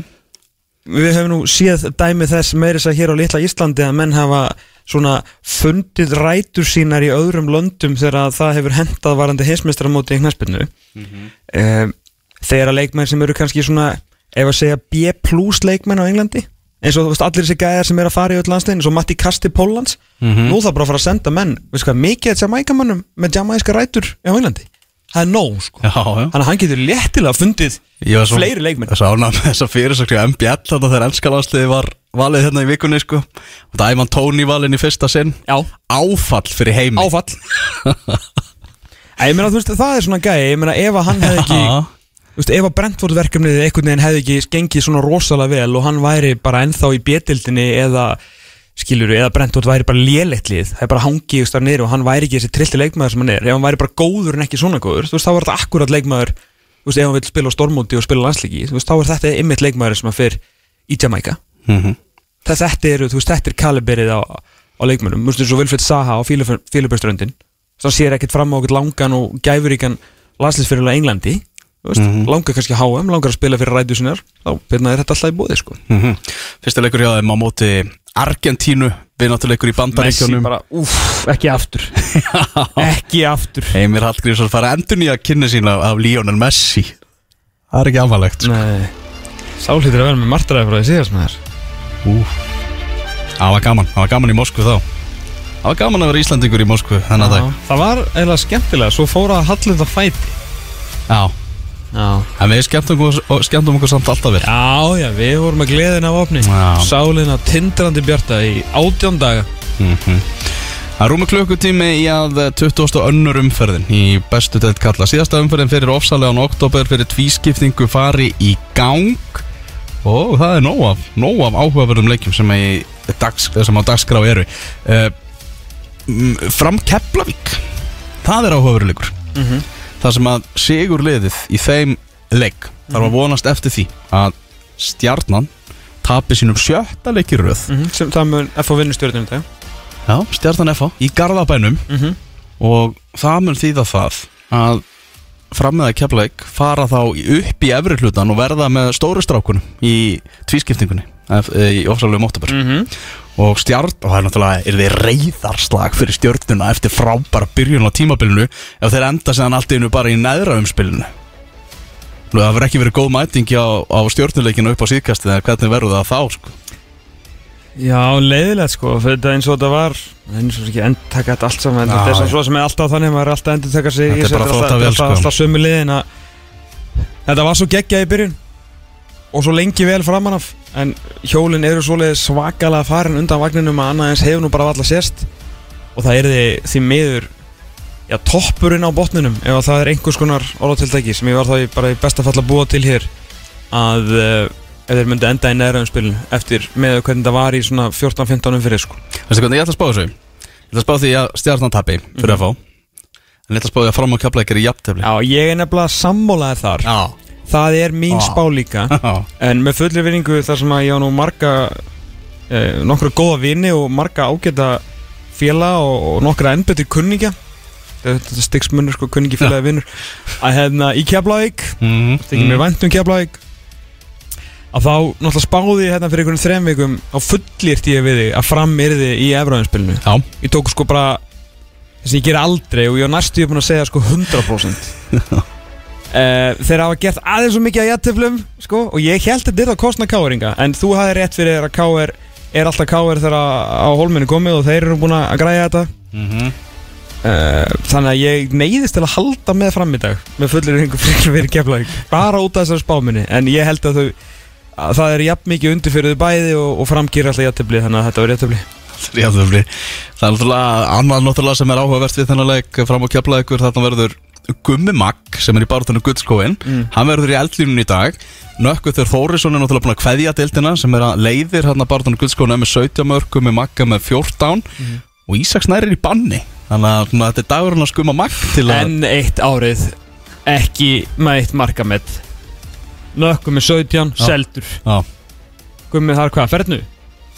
þarf ekki bara Gummi eða svona vonast eftir því að fram verði í neðri hlutanum og þá er hann eftir að spila bara á móti Það, það telur ekki. Þetta er bara 22 Er það reglan? Það er búið að ákveða það. Ok, Já. hvernig var það ákveðið? Bara svona í samfélaginu. Við Já. tókum þetta líka þetta aftur um daginn. Já, Að bökkum við með þetta. Veist, Þetta er bara 22 sko. Já, það var bara, svo hættu að telja mörkin. Já, Nei, svo var bara nýtt sko. Það var nýtt, já. Þá eru skilur hver er besti leikmaðurinn í ofsalöfum oktober Það eru fleiri skór. Hver er herra oktober Já, Við erum svona að bera ofan alltaf í lok hérna, Með svona eitthvað gripir já, En það er eitt í þessu að því að við erum báður að spá Femningafélagi hafnafærar sigri í dag sem að því að þeir fari í 22 stig. Uh, Þínu menn eti kappi gegn Íþróttabandalagi Akranes í dag sem er leiðis já, það sem eru helviti mikilvægt stig í búði. Já. Ef að Já, ef að leiknir vinnur Já, sem að ég veit að þú væri nú ánægð með Ég var alveg rosalega mikið til Þá í fara það. þeir í 20 stig. Maður svo, bandalagið er að spila við hverja? Bandalagið er að spila Breiðablik í Kópavogi. Já, ok, ok, þeir verða þá fyrir með 19 stig. Um, Leiknin getur að fara í 20 og þá væri í að 5 frá örugusæti fyrir ofsalega náttúber En Mm. ef að í að vinnur þá er það átján F og vinnur, IBF tapar. Já Í að sigur er betri fyrir mótið. Mm. Leikni sigur er betri fyrir hjartaðið þér. Já, ég var, í, var að fá mér nokkra bjóra ég, með breiðhildingi í gær. Mm? leiknismanni hann var svona að segja svona að væri svona típist leiknir einhvern veginn og fara í gegnum eða nánast ein, eina viku þar sem að þeir tapa 9-0 fyrir Viking vinna síðan val einu færri Já, og tapa síðan á móti í að það væri svona hann sagði bara leiknir er einhvern veginn bara mestu ólíkind á tólinn í þessari deild. Þeir geta bara einhvern veginn stundun á þau að gýra sig ógeðslega vel upp á móti góðu liðunum Já. og þetta síðan eitthvað þrótt tapa allt innu fjögur eitt fyrir IBVF eins og gerist fyrir á tímabilinu. Ég hérna Ég held ég tapið frekar öruglega Öruglega upp á skaga? Já, Nei, ég held það sko. Ekki segja þetta Kveiki í þeim Nei, ég held það ekki Ég bara, hérna, er ekki allir að fara Er ekki rútuferðar á leiti eða? Verður ekki, þú veist, Já, var eitthvað að vera að smali Ultras vs. Ultras eða? Já, var að vera að smali eitthvað rútu þarna 3-0 Manchester City. Phil Foden sem átti leikilsendingu í fyrsta markinu með hælspyrnu er að skora hér uh, Íslandsvinnurinn gett ekki staðanurinn 3-0 Já, Já leikur upp á skaga þar sem að neðstu tvölið bestu deildarinnar mætast uh, aðrir leikir. Arna Gretason er að fara að mæta liðinu sem að hann er orðaður við og maður er einhvern veginn svona Já, maður er bara að lesa það að hann vilji taka við eftir tímabilið Valur Það er ekkert Káa annað hægt að lesa Það er ekkert bara fjölmjölasveitin er bara að reka þjálfaran sem er og koma og það geta að vera hann sérstaklega og það geta að vera hann kveikt á öllum perum til að fatta þetta sko. Þetta er ekki flóklir útreikningar sem þarf til að sjá það að Ég hef alveg lendið erfiðir út af hringum sko. Arna Gretason, hann vill verða stjórin á, á hlýðananda Já, við bara aðlega komast í bæinn og þá er nú ekki amalegt að mæta til, til ríkasta félagsins á landinu. Já, nokkvæmlega að fá ég að blíbúðu þannig. Já. Já, hvað Herru, búið staðfæst þetta skelluð hverfi? Nú? Já, við gerðum það bara sjálfur í vikunni. Erum við búin að vera með hérna einhverja Facebook síðu og eitthvað svona semi-mótmæli að því að hlýðarnar er svo umulegar að því að þú þarf að fara alltaf á bíl og getur ekkert labbað eitthvað. Já, Þetta er búið- þeirra orð sko, Já, ekki búið- mín. Og búið að loka öllum fiskbúðum og blómabúðum Já. Já, Þú getur ekkert gert þarna. Nei. Já, ég Það er svo Óli kokkur í kokkaflaki og ekki lífur hann. Já, ég svo hann var í mótmálum hann að brota götu. Já, menn já. voru, menn voru með skilti og allan pakkan Einmitt. En, já, valsmenn náttúrulega alveg skelfilegir í breiðholtinu eins og, eins og talað hefur verið um. Al, Vá, það er bara Sokkarand að horfa á þetta. Hvernig þeir svara núna heimavelli á móti Káa, spjótin beinstað Óla Jó, talað um leka frá, frá úr liðinu og óanægu hér og þar og lélegan móral Byttu þetta hérna og enga- beinist á engan- okkur bræðrum Var þetta svona, þú veist, ég var ekki að prumpa Þessari Var þetta svona sá og líkt sem finnur fyrst? Já. Segist það sem á Já, veist, Þetta það er áhugavert að vera að svara þessum orðrómi sem að sem ég var enginn að heyrt Já, að að- að það væri Artur Smárason sem aldrei Svo ég viti til hafði, hafði komið fram eitthvað ofinbelega sko. Nei, líka bara einhvern veginn Ég er nú bara hittar svona þrísvar eða eitthvað Einu sinni haggup, svo komin við viðtal til okkar hérna Og hvort ég hef hittar einu sinni við, viðbót Og hérna Vindalust ekki aðeins í nokkuð tímann hitt Já. sko. Síðasti maður sem ég myndi ímynda mér að einhverjum leka En Já, svo það geta eðlilega ekki að það ykkur sko. alveg svakalega En og vissulega þá held ég að sjóði ánum með verið litlum spiltíma Gæri var einhver 17 árið eitthvað í atur með sko, Já. heldur, ekki heldur ekki soði á honum? Auðvitað, annar væri skrítið sko. Svona aðeins og hérna Æ, ég var að klappa fyrir drótningunni maður 70. myndu Og Elling braut er að klappa Já, þetta, var skrítið Eh, Mér var þetta svolítið svona sáleitt sem finnir fyrst Já, Þegar svo er það náttúrulega uh, Víkingur Káer Það sem að uh, Já, ég held að sá að Helgi Mekkar er mættur aftur á, á Víking Káer að Já. dæma sem fyrsta sína fyrsta viðrögn milli þessara liða síðan uh, 2020 Mhm. þegar hann gaf þrjú rauðspjöld hann á Víkinga og þannig að ég er svona af því tilöfni þá ákvaði ég gerðmorgun aðeins að rifja bara þá viðrögnu upp. Já Þetta var, smá, þetta var en rosalega bara einhvern veginn sko svona fjölmjöla fári sem að fylgta á eftir. Já, já, já. það var miklu meira heldur en ég mynd, með myndi sko. Þetta var, þetta var rosalegt sko. Líka, hérna Sko Helgi var náttúrulega alveg ömulugur í þessum leik Mm. Sjálfur sér til skammar og hann veit það alveg hérna, En að því að þú hérna, settir inn að mitti fyrir hann að fokka þú þér aumingi. Já. Ég er náttúrulega, þú veist, eftir að ég horfa á þetta mar- margótt og eina ástæða fyrir að það sást var náttúrulega þegar sonur framgöndastjóra K.R. sat á milli bekkjana með síma, þetta var gæt nú ekki verið sveitalæra heldur en það, sko. Að hérna er náttúrulega gripin hérna, gripin hérna á teip, sko. Það er eitt af þess að gera bara íslensku til til og svo algjörlega, algjörlega en það sem alltaf gleymist í þessu það er alltaf átti að fokka sig sko. Því að hann var alltaf láta svo fíbl sko. Þetta er það sem ég oft er að tala um við þig að ég var búin að gleyma þessu atviki í smá sko. En hann sagði, þetta náttúrulega við einar. Ég, ég er að tala um Einar sko. Þú mann síðan hvort það var árið síðan þegar Einar var aftur gripinn að láta svo hálfviti í víkinni á teipi og hann var tekinn fyrir í stúkunni Mhm. þegar bara myndavilum hann og mikrofónum var ofan í honum sko. Mhm. og þegar Sölvi er að lappa hann er trilltur út af. En hann er svona Sölvi, Sölvi, kotið hann aðeins að tala veist, Guðurinn er fokkin sturglaður sko, Já. leiði hann bara að lappa í burtu en þarna ætla hann að sína svo mikið vald. Hann ætla að reyna að róa niður skriðsli, Já. haltu bara kjafti og leiðu bara mannum að fara út af. Batandi mönnum er best að að lifa og hann einar búin að eiga það hann er búin að greina, hann er búin að róa sig mikið. Hann er svona einhvern veginn í stælunum. Já, hann er svona einhvern veginn Já, algjörlega, miklu, miklu meira þannig. Hann er, Þetta hann, snýst bara um reynslu. Já, og hann að- Læra þetta snýst ekki því hann er búin að vera flottu bara í sumar sko. Mm. á hildilega litið, ekkert í kringum Nei. hann en hann var einmitt þannig fyrst að koma í björstu til það var bara alveg hann var akkurat Eh, svona hann var bara eins og kjáni. hann var svona þú veist, það, það er svolítið þannig svona góður til að vera nei, þetta er bara svona vesennis, vesennis dyraverður sko. Herra hann hann nú er klukkur orðin eitt þannig að það er komin byrjunulegin Já, þau eru dottin hérna inn í þetta. Og svona ef maður svona já, rétt svo, rétt svo kíkir á þetta, mér sýnist allt svona já, Vikes vera með eðlilegum hætti bara. En þá hægri bakvara lausir. Uh, hann er uh, Væktur Ólfur vantilega áfram bara hæra megin. Pablo, maður svo Ari Sigurpól Stejan Dúrits og Helgi frammi. Ellingur, uh, þetta er allt svona. Stefán Átni startar, Hallur Hansson Toppartinn, Pontus Lengren Aron Kristoffer, Alli Sigurjóns og Sigurður Bjartur Halsson Þetta eru Kjartan Henry Fimboðsson ekki er ekki hóp ah, hann er ekki leikmannahópi Káringa í leik Vikings og, og Káar En á uh, í liðstjórn eru Viktor Björki, Rúnar Kristinsson, Bjarni Eggerts, Kristján Femboi og Freyki Berstens. Já, já, fyrir ekki Bergstens er hann sko. Þetta er allt sem að komið, getur séð þetta eh, textalýsingarnar inn á fókbalta.net og þar getur þið skoða þessi, þessi byrjun að lið sko. Heldur betur.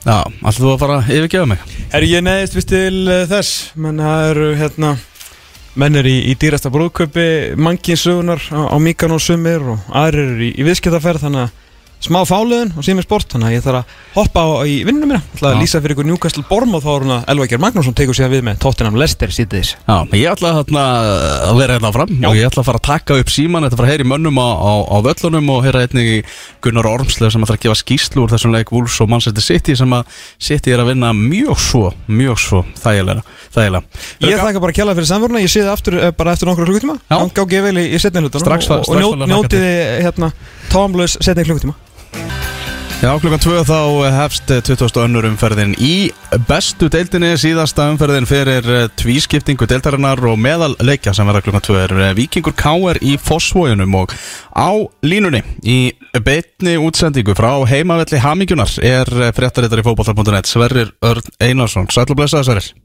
Góðan og blessaðan daginn. Hvernig er, hvernig er veðrið í, í heimavelli, á heimavelli Hamingjunar? Það er svona klassist veður í vikinni. Já, Blankalótt, sólin skín. Hvernig, þú veist, þetta getur ekki klika. Þetta getur ekki klikkað og hana, það bara klikkar yfirleitt ekki þegar þessi lið mætast Víkingur og Káer og Káeringar náttúrulega særðir töpuðu 3-0 uh, fyrir sumar þegar þessi lið mættust á, á Káervöllunum og meistaravöllum og svo mættust þið náttúrulega í þessum svakalega leiki áttalega úslitum Jólkubikarsins þar sem allt stemdi í framlengingu þar til að að skora þarna tvö í blálokk leiksins þannig að þeir eiga að harma hefna gestindur úr Vesturbænum í dag Ég held að við séum að fara að horfa bara á blóðu stríð hérna á heimaðundi hefninginar og það verður ekki gefið eftir. Ég bara káringarnir allir þeirri stöðu að þráttur að þessi umleikir eftir að þessu leik loknum að þá hafa þessu sem ekki mikla að keppa en þau geta svo sannlega eðalegt röðum einu og allir sér eflaust að byrja á því hér í dag, dag í vikinni. Já, þarna, hvernig er tilfinning þín fyrir, fyrir þessum leik? svona ég hallast frekar að viking fyrir en, en hérna þessi lið, það, það er svona ég veit aldrei hvernig þetta kemur til með þetta Mm en ég hallast frekar að því að vikinguna hafi þetta kannski auka skref fram með þeirra og, og þessa sigur hefði í síðustu leiki. Mhm.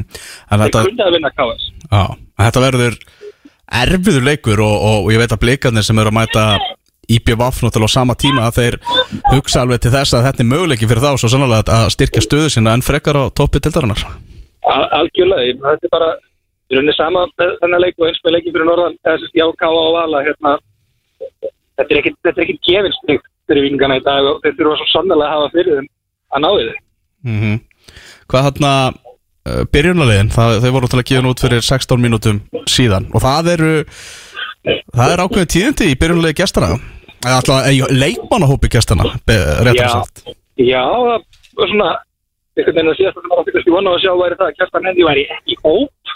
Nú vissulega verið mikið á bekkinu sumar en það er klálega tíðindi að, að ja, hann skulle vera bara komið svona mikið út að segja með hjá Rúnar eða hann ekki nýstu passur á hann á bekknum. Mm. Það er við, það er ekki komið skýring á þessu. Það er ennþá, já kannski möguleiki á því að það sé einhver meðsli en það er alltaf að reysa fréttir ef hann er bara skilin eftir eftir utan hóps.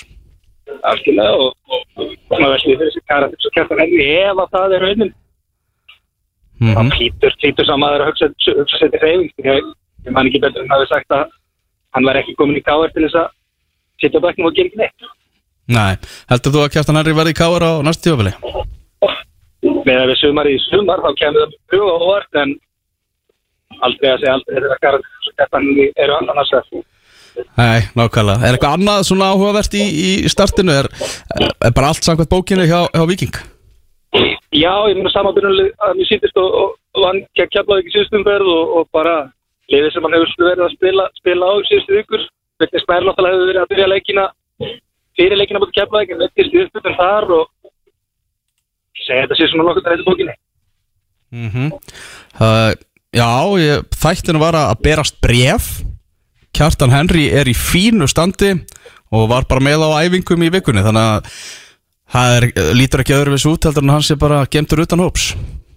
Það verður kannski sleggir í vittilum eftir leik. Já, þetta er, þetta er mjög svo, mjög svo áhugavert dæmi allt saman sko. Já, Já, ég sé hérna Hrafkjöld Freyr spáður þessu leik fjögur eitt. Eitt af mönnunum sem verður náttúrulega í sviðsljósun í þessu leik er Helgi Mikael sem er að dæma fyrsta, fyrsta, fyrstu viðurreik þessara liða síðan hann dæmdi leikin uh, 2020 þannig að þetta er svona, svona ákveður svona Já, sálfræðilegt verkefni fyrir Helga Mikael að, að vera aftur mættur í viðræk þessara liða þráttur að óneitanlega séu náttúrulega Já, hefur mikið vattur unnið til sjáar Kári og Sölvi ekki lengur innanvallar og, og Pablo Púni er náttúrulega komin í, í vikingsleitina Mennin sem voru kannski hvað helst í, í sviðslösunu hana. Já, ég held að það, sko, það þessu 28 leikmunum sem byrja leikin og, þrýr dómarar sem að, að stýra þessu, að það sé mesta pressan af öllum á Helga Mikael fyrir þennan leik og bæði þessi lið mun eftir þessu leik, vikingarnir kannski af verri ástæðum heldur en káringarnir, en, en hérna, ég held að verði pressa á Helga og allar ákvarðanir sem að kemur til með að taka erfiðar, verða mjög erfiðar og hann mun fá að heyra, heyra það fyrir hverja einustuður. Já, það er alveg póðinmál og hann er alveg búinn undir það held ég Ég held að það sé, sé alveg ljóst Þannig að hvernig er, er fólk fara að mæta Er fólk eitthvað að byrja að, að láta bjórdæluna ganga á, í hamingjunu eða? Það er svona reytingur að týnast, týnast inn og hérna, újú, gott er að það er ekki, þú kallt sér 40 mann sem eru sestir í stúkuna bara. Já, 40 myndur í leik Hjaltistu borgarnir byrjaði að týnast út og, og, og bara allir káttir. Já, mér líst vel á þetta. Mér líst vel á þetta. Þetta er meðal þessara leikja sem að hefjast núna klukkan 2 Víkingur Káer Sverrir bara góða skemmtun og, og það ég held að veri nóg að gera á leiklaborinu hjá þér í, í dag En mig grunar að það verður það að júka árið í lókdags. Það er svolítið Við verðum í bandi Takk að þið bless, bless. Já, það er að hlusta út á satt í fótbolta.net hér á X-inu 977 svona að uh, flakka á milli valla, það er 20. önnur umferðin í bestu deilt uh, Karla sem að hefst klukkan 2 og Tóni, Anton Freyr hann ætti að vera á línunni, blessaði Tóni Góðan daginn, góðan daginn. Herra, Þú ert á, ferð og flugi, heyri ég Herri, ég er bara á leiðin á völlin, það er bara svo leiðis. Það er bara þannig, á hvað leik ert að fara að Ég er alltaf að skella mér á Kópásöll, bregðarblík upp á. Þú ert að fara á breyðablík í BVF, hvorki meirinni minna Það er, uh, það er fótboltaveistla framundan uh, Blikarnir, verður þetta fyrirhafnar lítill sigur hjá þeim í, í dag? Ég held að þetta verði það, já, en maður veit aldrei hvað maður, Herman Hregarsson sem mæti Kópá, en hann getur alveg stríkt blíkonum aðeins, ef það er, ef ég á að vera alveg hreinskilin með það, þá eh, ég vona að þetta verði bara leikur.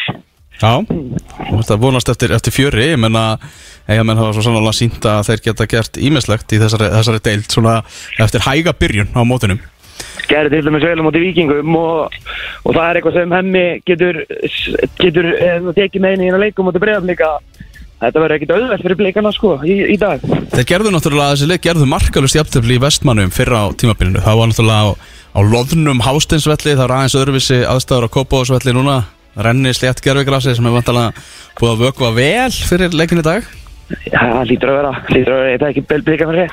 Hmm. Já, nákvæmlega, þú varst að hérna, henda inn byrjunliðsfrétta á þann, hvað er svona ber hæst í, í byrjunliðum liðana? Herru, bæði líkir eina breytingu, Ísak Snæri leikbanni, Óliða kemur inn og svo er ein breyting á IBF líka, Þóruður kemur út og Kæjan inn. Bæði líkir eina breytingu. Já, það er, það er ein breytinga á lið þessi leikur á, á Kópavóðsvelli og þú segir allir leikinnir klukkan klukkan tvö, heldur að við sem ekki fara að fá skrambi mikið fjöri í þessum leikjum í, í dag Ég, það lítur að vera, það lítur að vera. Ha, ég, ætla, ég ætla rétt að vona það allavega. Já, það eru að dælast Það fáum smá sinnur. Það er að dælast inn hérna byrjunleis fréttinnar sem að koma inn á, á punktunett svona stærstu fréttar að Kjartan Henry skilin eftir utan hóps hjá K.R. á móti Viking og vorum að fá það fréttir að hann væri bara heill heilsu og allt það bara einfallega ekki hóp það eru þrýri banni hjá Keflavík sem er að fara að mæta fram hérna í mikilvægu leik eh, engin Rodri hjá K.A. í leik eh, Vals og, og K.A. Uh, Steve Lennon á sínum stað í liði FA sem er að fara að mæta hérna stjörnunni. Uh, Daniel Finns Mattiasson og Elisar Björnsson kom út úr liðunni á stjörnunni og Henrik Máni Hilmarsson og Jóhann Átni Gunnarsson koma, koma inn. Heinar Ingvarsson í banni þar. Það er ímestlega í þessu. Kæleo og Becknum hjá Ía í, í botslagnum þessu tvö neðstu lið deldarinnar Ía og Leiknir við. Þetta er, þetta er alvöru Þetta er alvöru, alvöru leikir sem er að fara að hefjast þannig. Það er bara þannig, það er bara þannig. Mm. Nákvæmlega, þú ætlar að, þú er á leiðin í Kóbóin uh, Já, ég ætla, ég ætla að brunni kópáin, ég hérna, ætla að taka stöðun á þessu. Já, þú kíkir á þetta og, og verður með, með beina textalýsingu á, á .net Það er bara þannig. Það er bara þannig gaman að heyra þetta, Tony Það er þannig sem Er leiðis. átó í kvöld síðan? Það er átóðu kvöld, það lítur að vera. Það hlýtur að, það hlýtur að vera, góða skemmtun Það er sem leiðis, takk. Heyrist, bye bye Bye. Það held ég, þessi leikir eh, allir að byrja, byrja klukkan tvö En Við ætlum að taka okkur annar hlýja Svo ætlum ég að fara að heyra í Gunnari Ormslev Við ætlum að fara aðeins yfir í ennska boltan Gunnar Ormslev var að lýsa hérna leik Wolves og Manchester City En honum var að ljúka með örgum sigri Manchester City. Exit 977 Já, það er Fighters hér á X977 út af satturinn fótbolti.net í fullum gangi og á línunni er Gunnar Ormslev, sæll og blessaður vinnur, hvernig ertu? Sælleinu, ég er bara góður en þú. Ég er frábær, bara virkilega upplöfur Að, þú varst að lýsa núna í hátteginu, leik uh, Wolves og Manchester City Þetta var auðvelt verkefni hjá Manchester City að klára þetta Já, já, þetta fór svo sem bara eins og, eins og við höfum að búa svona framan af, sko. Þeir var ekkert að gera svona greiða heima með að lenda undir þetta strax á fyrstu mínútu, sko. En, það fyrir að vera langt frá því að eitthvað er á sitt besta, sko. Það var þetta tiltulega að segja. Þarna, átalar um þetta mark þarna sem góð strax á fyrstu mínútu þegar Jack Grealish skora Rosalega mikilvægt mark fyrir hann. Hann, svona, hann hefur leigið undir gaggrinni strákurinn fyrir að hafa bara einfallega ekki verið að skila nægilega góðri tölfræði fyrir þetta stórkostlega lið Manchester City. Já, já, þetta hefur það verið tilfellega, hann hefur ekki verið að skora náðu mikið af mörgum, það er bara þannig. Og þetta er ekki leggjum náðu mikið heldur. Verðin setur bara þannig pressu á menn að þeir verða að skila tölfræð, eða bara tölum og hérna, þetta er gott fyrir sjálfstöðu klálega, fekk, fekk fröstið að byrja þetta og skila bara einu marki. Það sjálfsögðu skoraði Erling Haaland uh, 2-0 Það er bara, já, bara fýtt samkvæmisleikur að reyna að velta því fyrir sér eh, Þú veist í hvaða tölu hann endar í, í ósköpunum. Já, guðum og vita maður, þetta allavega, þú veist, menn er að segja að það komið sér ekkert óvart, sko, þetta kemur samt held ég mér á óvart að uh, sem komið í 11 mörg eftir, eftir, eftir sjö leiki, en þetta er alltaf algjörlega fáralegt, sko, það þarf ekki og að hitta skotið sín það vel, sko, þetta var ekkert eitthvað eitthvað frábært slúkt, sko, þóttan hafi klárað þetta villega, þetta er bara einhvern veginn hann er bara skrýmsli, þessi gæði, sko, hann geti hæglega, uh, sko, gert aflöða markametinu, sko, sem eitthvað 30 og, hvað, 4 og 5, eitthvað Meina, og þú veist það, þú veist meina það að aðlugurnaferðli gangi bara ágætlega hjá, hjá Haaland Já, blessaður verður, það tók kannski tvær mínútur. Svo kemur þetta spark í magan hjá Collins náttúrulega á 33. mínútu þá er bara endanlega bara game over Já, já, já, þetta var afskaplega klauðvalið þannig hjá Nathan Collins. Það með takkana þannig í mjöðminna á, á, á, á grílis og og bara mjög auðvitað ákvörðu fyrir aðtöðu telur. En mega samt alveg eiga það úlvandir.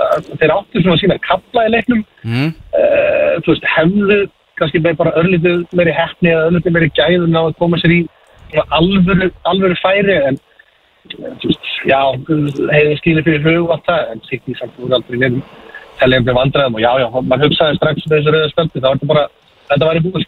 Mm -hmm.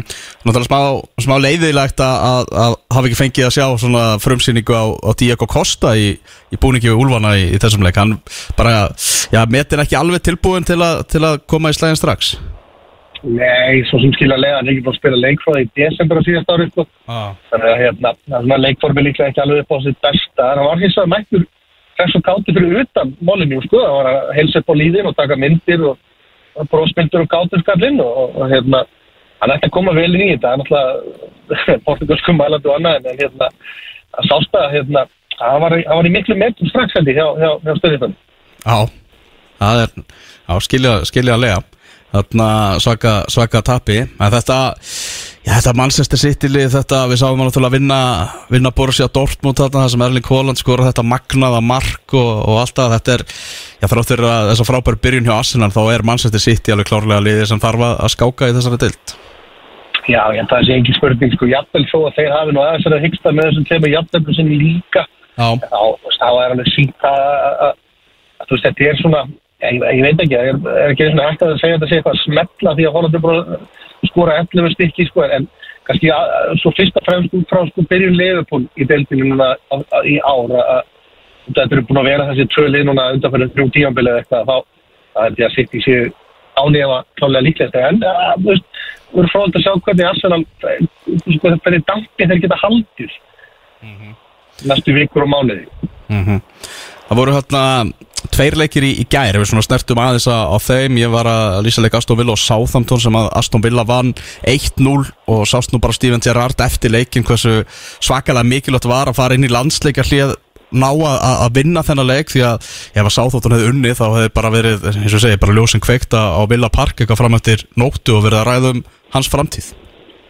Já, mögulega, allavega inn í landsleika hliði kannski, sko, en þetta er þetta er þetta verk að vinna á blóðtaka svo sem fyrir vilja líka að missa menn í meðsli eins og Diego Costa eða Diego Carlos að stemma. Eh, Þetta, þetta voru það reysastór þrjústi og maður svona fann það líka á, á, á velliðum, það var svona alveg stemming og andi bæði innan og utan allar, sko, þannig að, jú, jú, bara, bara gott fyrir sjálfstöðstu fyrir vilja fyrst og fremst, sko.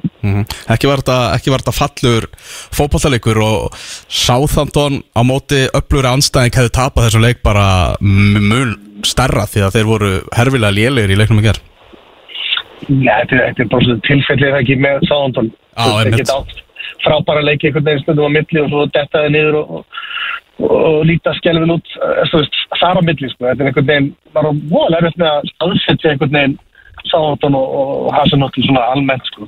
mm Svo var þessi náttúrulega nýlega slagur þar sem að Nottingham Forest var eitt nú lifir í háleika móti Fulham áttu séðan ríkalega kapla í setna háleik fengu á sig á okkur tæpum 6 mínútum þrjú mörg og staðan skindilorðin 1-3 og ná séðan að minga munin en komast ekki lengra en svona Nottingham Forest við það þeir eru búin að kaupa 21 leikmann þá, þá er þetta ekki alveg byrjunin sem að þeir vonuðust eftir í, í deildri Nei, nei, þú veist, ég, ég get rétt ímynda mig hvernig þetta er fyrir Steve Cooper á, á æfingarsvæðinu svona reglulega allan að núna framönda, þú veist, undanfarta vikur en að drilla saman eitthvað lið, það er alltaf ný gæja að koma í gegnum hurðina bara á kortis fresti, þú veist, þetta tekur þetta smá tíma fyrir hann að bara kynnast leikmönnum, fyrir leikmönnum að kynna skora öðrum og allt þetta, ég meina, svo sem ágætist margseðu skora en svo að fá á sig þrjú mörkat á þessum, þessum kapla segir líka frá rosalega mikið til um einhvern veginn hvernig menn eru eru drillaði saman sko. Og, menn eins og Jesse Lingard er ekki svona að fá startingsæti lengur sko.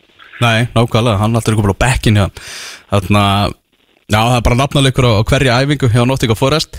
Ég hugsa það sko. Já, það er Newcastle Bournemouth sem er að byrja núna kláð 2, Tottenham Leicester síðan eh, setnibartin, við erum að tala um á morgun Brentford Arsenal og eh, Everton Vestam, náttúrulega tekur rosalega mikið úr helginni að þessum leikjum sem frestað, Manchester United Leeds og Chelsea Liverpool sem áttu að vera báðir á morgun. Auðvitað og, svo var alltaf hvað, ekki sett í tóttan og síðastlega helgi líka það það er þetta allt saman hérna að gerast. Þetta eru stóri leiki sem eru, eftir og ég, sko, hausverkur verður náttúrulega fyrst og fremst sá það einhvern veginn að reyna að ræða þess að þetta saman upp myndi maður handa ég, Já, þú veist, lið sem eru búin að eiga, að núna jafnvel tvo leik inn í eitthvað fyrnipartin, þú veist, þetta verður eitthvað svakar, þetta púsluspil hjá hans skoðum stundin, en, en jú, jú, náttúrulega stæstu bitarnir líka, þú veist, ekki, ekki við þessa helgi sem er náttúrulega ákveðum á breið, þetta er ekki, þetta er ekki stæstu leikinir, en, en bara gott að enski bólti sem komin aftur á, á ferð, eða ekki. Jó, við, fögnum því og bara huggulegt að syngja þjóðsöngin hann fyrir alla leiki og, og klappa á 70. Já, mér finnst þetta líka bara búið að vera að fara vel fram. Allavega þú veist- það sem að, að ver, sko, menn voru að hafa einhver áhyggjur að því að einhver, rótin epli myndi vera með einhver, uh, þú veist, læti eða baul eða eitthvað, sko, en, en í þessum leikjum líka til, þetta er bara að fara fram á tíu, sko. Mm Það er alveg, alveg korrétt. Þetta giska það að þú sért að, að lenda á, í Úlfarsardalnum, er það rétt um mér? Ég er, bara ég er að finna stæði, Elvar, við erum að, við erum að detta á vöttin. Við trúðum þetta fyrir fram að með heita sem að, stopp, hann er ekki gera með neina greiða. Nei, já, já, það er framkeflaðið sem verður að byrja klukka tvöð þínum enn í, í fram heldur að þeir uh, laumið sér upp í, upp í efri hlutan fyrir tvískiptinguna Ég hef alltaf trú á því. Við erum búin að vera sterkir á heimaðalli. Um, hvað, þetta er bara eitt tapleikur hann á móti sem að við áttum nú líklega okkar bara versta leik held ég bara í sumar um, en nú verið að segja þetta. Ég á, á bara vona hörku leik samt sko. Ég ætla ekki að segja sem eitthvað að fara að valda yfir á hérna en, en ég er trúið mínum mönnum. Ef við þurfum smá hjálp náttúrulega líka til uh, til þess að endi í top 6. Ég, ég er að vona að hérna að FH verði okkur hliðhóllir með, með góðum muslitum að í Garabænum. Já, þetta verður fróðilegt að sjá Ég segi bara góða skemmtun og, og gaman að heyri þar Gunnar Já, takk fyrir fyrir, sömulegis. Heyrust Ok, bye bye. Það ég núna klukka tvö þá er að um, hefjast heilumferð í bestu deildinni 20. önnur umferðin síðasta umferðin fyrir tvískiptingu við erum búin að eigða svona stórum hluta af setni klukkutíma þáttarins í að uh, hita upp fyrir þessa leiki og heyri mönnum meðal hans á völlunum og nú ætlum við að fara að vinda okkur í hlýðarnar þar sem að Valur og Káa er að fara að mætast og Sæbjörn Stænken er á vellunum Sætla blessaður Sæbjörn Halló, hver er þetta? Nei, djók, hérna, sælir. Blessaður eh, Hvað er að frétta? Hvernig er, hvernig er gýrin í mönnum? Hvað, hvað ertu spenntastur að sjá á Origo vellinum í dag? Um, ég er bara strax í byrjun er spenntur að sjá hvernig Valur ætlar að stilla sínu liðu. Ok Þeir eru með möguleika í að fara að tryggja manna hafsendakerri og þeir eru með fáa kantmenn í, í leikmannhófum. Þannig að það er spurning hvernig Óli Ó gerir þetta. mm Arnór Smárasson sem hefur verið í umræðinu núna í vikunni Hann á bekknum hjá, hjá Valsmjölum Já, það er svo sem það eitt og sér er ekkert óvænt. Hann hefur verið á bekknum bara í, já, í me- megnið að sumrinu. Já, heldur áfram að hann, hann komið bara sér sæti á, á, á hlýðaranda mert sæti. Mert sæti, það er reyna þannig Já, mögulega, mögulega eitthvað svona vel að hrista upp í þessu sem að kannski væri mjög skiljanlegt með að við framistöðun í síðasta leik Já, hún var ekki merkileg. Alls ekki. Eh, Svo hjá Káa er engin Rodri óvænt. Já, hver er hann? hann hlýtur eiginlega bara að vera mittur ég Æ, sé hann það ekki hérna í stúkunni ég sé Andri Fannar er hérna í stúkunni hann er, hann er líka eitthvað tæpur held ég Já, þannig að káamennir að það er, þeir missa þarna svona smá öryggis hvað segir mann, öryggisteppi þannig að með Rodri fyrir fram á vörðuna. Já. Og Nú er náttúrulega tækifæri þarna fyrir Arna Gretarsson að að sína sig fyrir já, liðinu sem að verist já, bara hann verist vilja að taka við fyrir næsta tímabil. Já, það er svona pínur hljómar þannig, það er erfitt að kannski að, að fara beintin í huga Arnars en það, það er mikið verið að tala um eh, Arnar og Val sem mögulegan kost þannig að þetta verður frólægt að sjá hvernig þetta verður í dag. Já, nákvæmlega. Þetta er hörku umferð sem að, sem að er framöndan Svona, eh, hvernig líst þér á það að allir leikir þessi á sama tíma þarna í, í lokaðanfórni? Mér finnst það bara stórskemmtilegt. Já. Nó að gera maður, þú veist, svona fyrir að geta verið með augun alls þar vonandi á vellinum, bara skoða textalýsingar og, og fylgjast með þessu öllu saman. Já, og þú með textalýsinguna frá hlýðarenda Þetta verður, þetta verður stuð. Já, klálega káamennir eru mættir í stúkuna byrjar að trom, berja trommur og framkvæmtastöður mættur og allir léttir sko Já, líst vel á þetta. Eitthvað, eitthvað að lokum aður við, við skellum á þig? Já, ég hérna kannski skrýta að ég sé að segja þetta hérna verandi á líðarandi þá held ég að vera eitthvað að vera eitthvað stórkost sem þið gerist í víkinni í dag. Víkingur K.R. Já, það verður eitthvað ótrúlega fengið Já, ok, þú vilt ekkert fara nánar út í það Þetta er bara, þú fegst eitthvað hugljóminni í nótt. Já, það er eitthvað tilfinning. Þetta er eitthvað tilfinning. Já, takk hjá fyrir þetta Sæfjöld, við heyrumst. Já, Það held ég að Sæfjöld stankið þarna í í beinni frá hlýðarenda leikindi sem er að byrja núna klukkan 2 Allir í beinum textalýsingum á fótbolta.net og í beinni útsendingu sálsög á stötu sport. Það er framkjafleik, breyðablik IPVF, Valur Káa Stjarnan FH, Nýja Leiknir og uh, Víkingur KR Svo er einni leikir í lengjudeldinu lokaumferðinni í lengjudeldinu sem að framfer í dag. Það eru þrý leikir í textalýsingum á .net. Það eru toppliðin tvö sem að verða í eldlýrunni Fylkismenn á Akureyri Þór Fylkir, HK Vestri í Kórnum. Og komur áttalega tíðindi núna í vikunni að Gunnar Heiðar Þorvaldsson hann verður ekki áfram með Vestra þannig að enn og aftur er sammi komin hérna í, uh, í þjálfara leit náðu ekki að láta svona, enda ná saman þar sem að Gunnar Heiðar er að vinna í vestmannum og, og erfitt fyrir hann að vera yfir vetratíman við, við þjálfun hjá, hjá vestramönnum þannig að uh, þeir eru kominir í, í þjálfara leit vestramenn.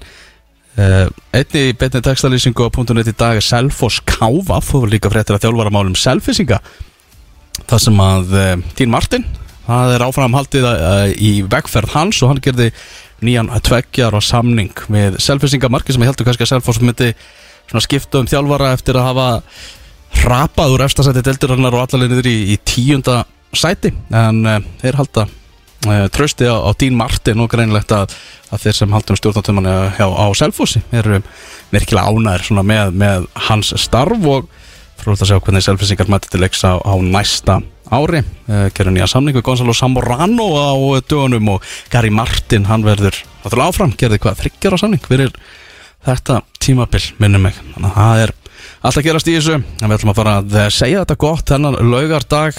Hvet ykkur eindrið til að fara á völlin, fara á eh, ein- einhvern af þessum leikjum sem er að byrja núna klukkan 2 í íslenska boltanum.